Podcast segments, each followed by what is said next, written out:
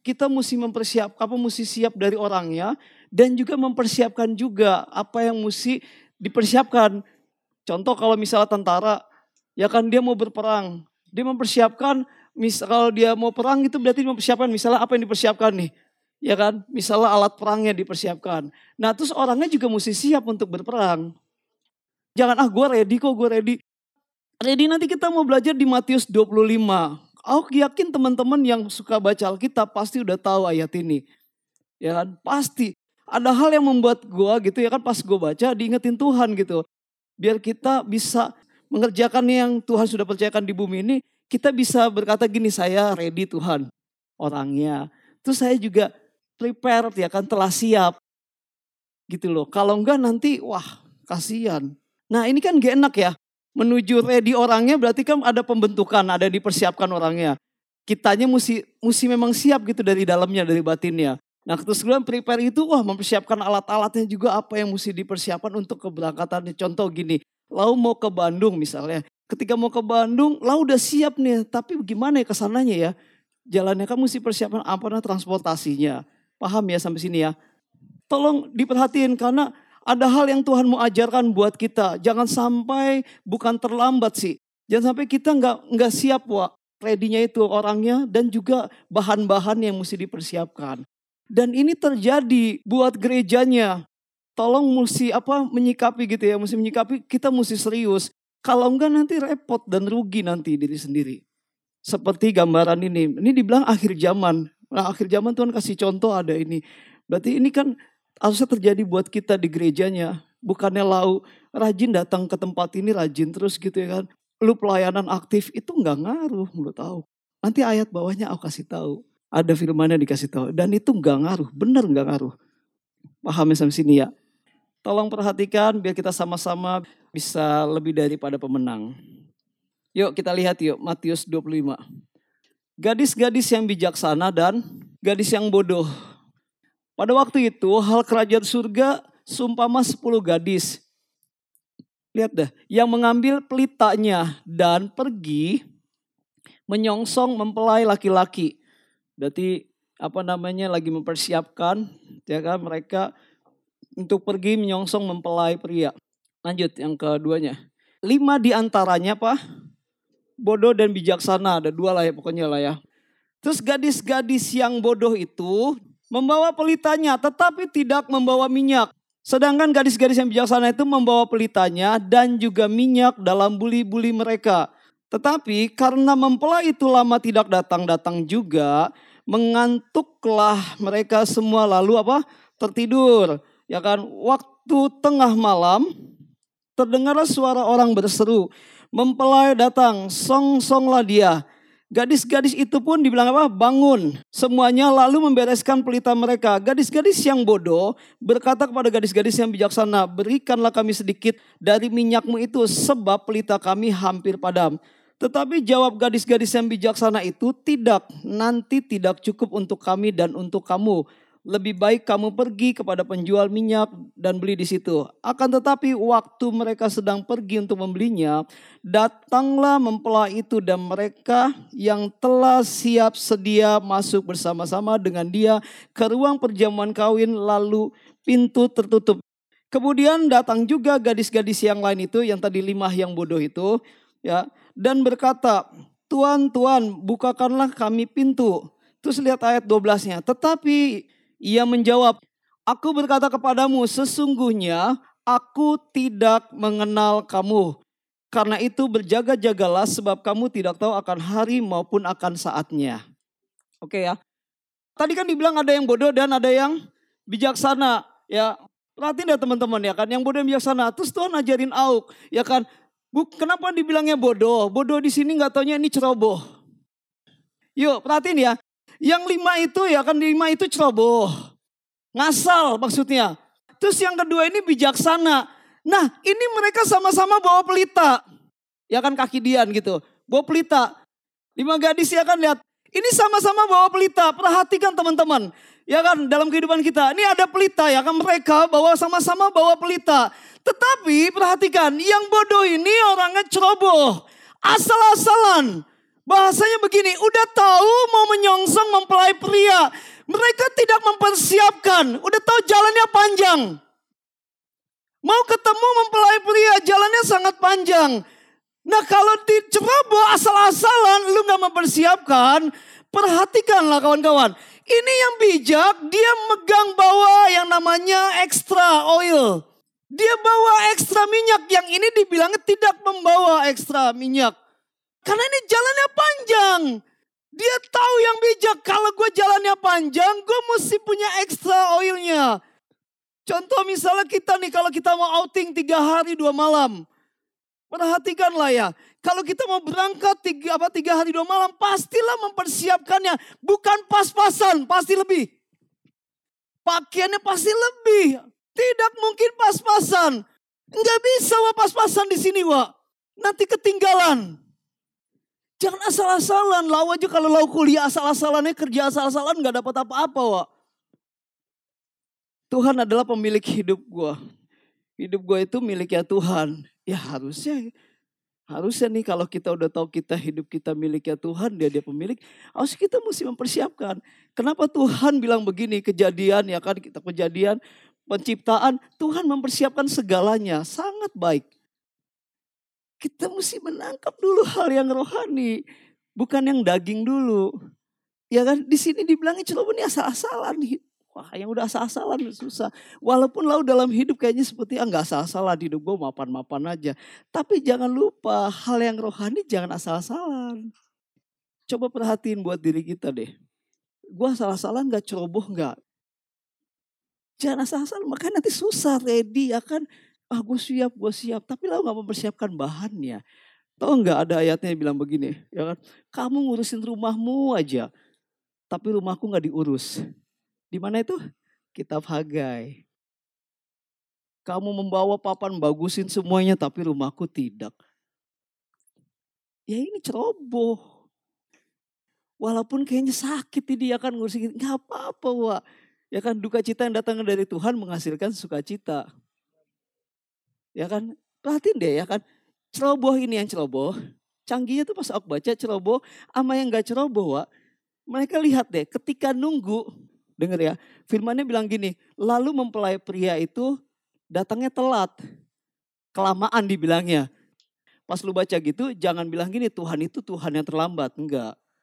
Tuhan itu bukan Tuhan yang terlambat dan dia juga bukan Tuhan yang kecepatan. Tapi dia Tuhan yang pas. Ini yang bijak sama yang ceroboh. Perhatiin ya kan kalau kawan-kawan baca ya kan. Terus mereka karena kelamaan ya pasti kecapean.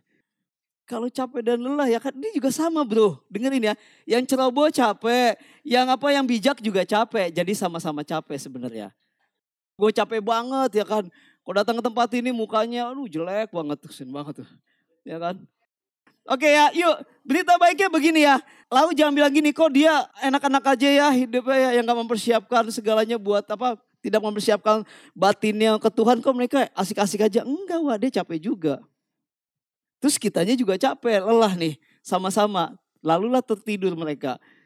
Nah tertidur di sini akan lihat ya. Terus kenapa gue bilang mereka ya kan mereka juga dapat anugerah karena angka lima itu anugerah. Terus tiba-tiba malam tengah malam ya kan ada orang yang berseru bangun mereka lihat song-song lah mempelai pria sudah datang. Bangun pergi dek apa namanya temuin dia gitu dibilang gitu. Terus semuanya ini dengerin kawan-kawan. Ini yang ceroboh pun denger kalau Tuhan datang mempelainya. Harusnya yang ceroboh harusnya nggak denger. Bayangin nih teman-teman. Kalau laut tidur ya kan benar-benar tidur sampai capek dan lelah ya kan. Pernah nggak lo ngerasain gitu ya kan kalau ada bunyi misalnya panci jatuh jembrang gitu. Terus lo bangun nggak? Enggak. Dikerjain juga nggak tahu lah ya kan. Ya kan. Kalau tidur kalau udah capek lelah, ini kan dibilang kelamaan, dibilangnya mempelai. Nah kesannya gini, wah bener ya, aku diingetin Tuhan gini. Kesannya tuh kita lagi nantikan Tuhan tuh lama banget. Ini mana kok akhir zaman gak, gak datang-datang ya. Oh diingetin gitu, oh kayak gini nih ya kan, berarti kita mesti mempersiapkan nih. Karena dibilang begini ya kan, apa namanya, oh inget pesan Tuhan, bukan pesan Tuhan. Diajarin Tuhan gini, siapin aja bahan-bahannya apa untuk menuju ke aku, kata Tuhan. Terus elunya juga mesti siap batinnya. Kata Tuhan begitu, lu persiapin aja pokoknya ready and prepare ya kan buat lu nanti ketemu dengan gua. Karena lu mau datang ke aku, lu mesti bawa bahan-bahan itu. Mesti mempersiapkan. Jadi bukan dengan tangan kosong datang ke Tuhan. Tuhan bilangnya begitu. Nah nanti lihat Len ya, perhatiin ya kan. Lu gak usah khawatir dengan sekeliling lu. Terus pesannya bilang begini firman pas gue baca. Len itu bumi ya kan sebentar lagi nanti gue musnahin. Lu ngapain mikirin yang aneh-aneh. Udah lu pikirin gue aja. Walaupun lu lagi nanti gue kayaknya kecapean, kelelahan. Gue sedih pikirin bro. Terus kalau lau lelah dan capek, ingat wak bukan lu aja yang capek dan lelah ikut Tuhan. Seluruh dunia juga lelah dan capek ikut Tuhan. Tapi aku ingat pesan Tuhan ya kan dengan lu firmannya. Tetaplah lu len ya kan, tetap lu jangan ceroboh. Persiapkan aja. Bangun terus dan bangun terus. Kenapa? Nanti song-song aku kalau aku datang. Karena cepat atau lambat nanti ada yang ngomong. Tuhan sudah datang, song-song lah. Lau mesti bangun. Kalau lau tidur ya susah. Ini gambaran buat kita loh. Percayalah ini gambaran buat kita. Buat kita anak-anaknya. Jadi aku nggak mau jadi kita apa namanya pelayanan cuma sekedar pelayanan. Kejar yang gitunya. Mulai kejar Tuhannya. Mazmur bilang gini ya kan Mazmur. Tuhan tolong tunjukkan jalan-jalanmu. Supaya aku bisa melihat terang jalan Tuhan. Jangan tunjukin keajaiban engkau. Gak usah. Karena saya udah tahu kalau Tuhan itu pasti ajaib.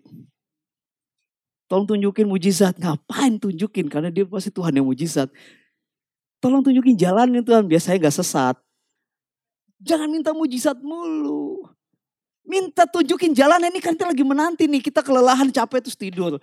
Nanti ada yang mensosok ke malaikat ya kan kalau nafiri wahyu dibilang gitu, ah tanda nafiri ya kan sudah dibunyikan. Ya kita kuping kita pasti dengar.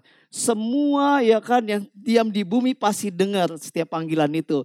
Nah masalahnya yang nanti menyongsong Tuhan itu orang-orang yang tidak ceroboh. Ayat 6 ya. Waktu tengah malam terdengarlah suara orang berseru. Mempelai datang, song-songlah dia.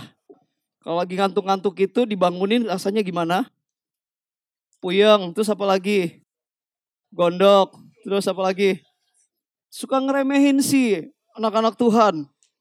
Merasa dirinya kuat. Merasa dirinya mampu gini. Tubuh yang akan dikuatin. Semuanya pada batinnya mega kuat. Mesti dari dalam kuatnya bro. Jadi kalau dibangunin rasanya gimana? Lagi tidurnya enak banget yang lagi capek lelah gitu terus dibangunin. Woi, woi, bangun, bangun, bangun gitu misalnya. Rasanya gimana? marah ya, marah. Siapa yang di sini kau tidur panjang banget? Tapi itu anugerah loh. Wah, itu anugerah kalau bisa tidur. Kalau bisa tidur ya kan terus pulas itu anugerah menurut aku sih. Cuman tolong jangan ceroboh juga. ya kan anugerah-anugerah kan ini angka lima semua nih lima nih lima. Ini lima yang ceroboh, ini yang bijak juga lima. Itu kan kasih karunia. Semua dapat kasih karunia, tapi jangan ceroboh. Tolonglah perhatikanlah teman-teman ya kan. Intinya sih itu anugerah, tapi tolong perhatiin teman-teman jangan ceroboh. Mau ada yang problem, ada masa, pokoknya lawan relationship tetap bagus dengan Tuhan. Gimana caranya? Kalau Tuhan yang bilang begini ya, kalau Tuhan bilang gini, sesungguhnya gue gak kenal lu. Wih, bayangin deh. Tapi Tuhan, gue tau lu. Maaf, gak kenal lu. Rasanya gimana? Lu ketemu orang gini, eh ini ya, siapa ya?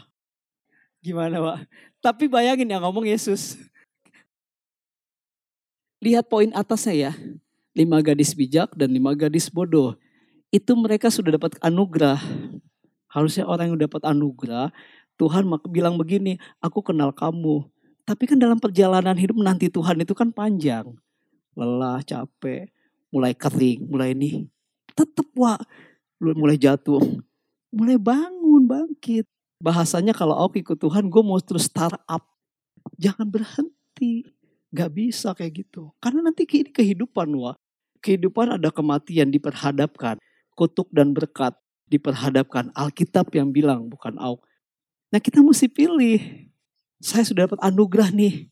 Jangan lembek. Jangan males-malesan. Pegang itu kokoh, wah. Biar kita berjalan tuh makin lama makin kuat. Orang-orang menanti-nantikan Tuhan, kata Alkitab ya. Alkitab bilang orang menanti-nantikan Tuhan itu pasti diberi kekuatan baru. Bukan diberi, ya kan. Dibuat fresh, fresh, fresh. Di dalam yang fresh. Fresh di dalam, actionnya pasti fresh. Kalau di dalam yang gak fresh, apa aja yang lu perbuat pasti gak fresh wah. gampang tersinggung, gampang cepet dengar berita yang gak benar, gampang pikirannya mulai ke mana-mana, mengembara. Dari mana gak enak mengembara, Wak. Bangsa Israel mengembara tuh gak enak. Ya kan? Pikirannya udah aneh-aneh. Ya kan? Negatif terus, itu susah. Biar kita bisa memikirkan di pandangan kita itu jauh ke depan tentang Tuhan. Kalau nggak ada relationship dengan Tuhan susah masuk. Tapi saya gereja Tuhan, tapi saya pelayanan. Nggak ngaruh kata Tuhan. Nggak ada hubungan sama gue. Gitu loh, ayatnya bilang begitu. Lebih dalam jadi intinya. Karena memang kau ikut Tuhan mesti dalam. Jangan main di dasar. Semangat ya kawan-kawan. Yuk mari tetap terus berjuang karena Tuhan Yesus sudah beri anugerahnya buat kita. Jadi jangan pernah menyerah. Tuhan itu kenal kita. Amin ya.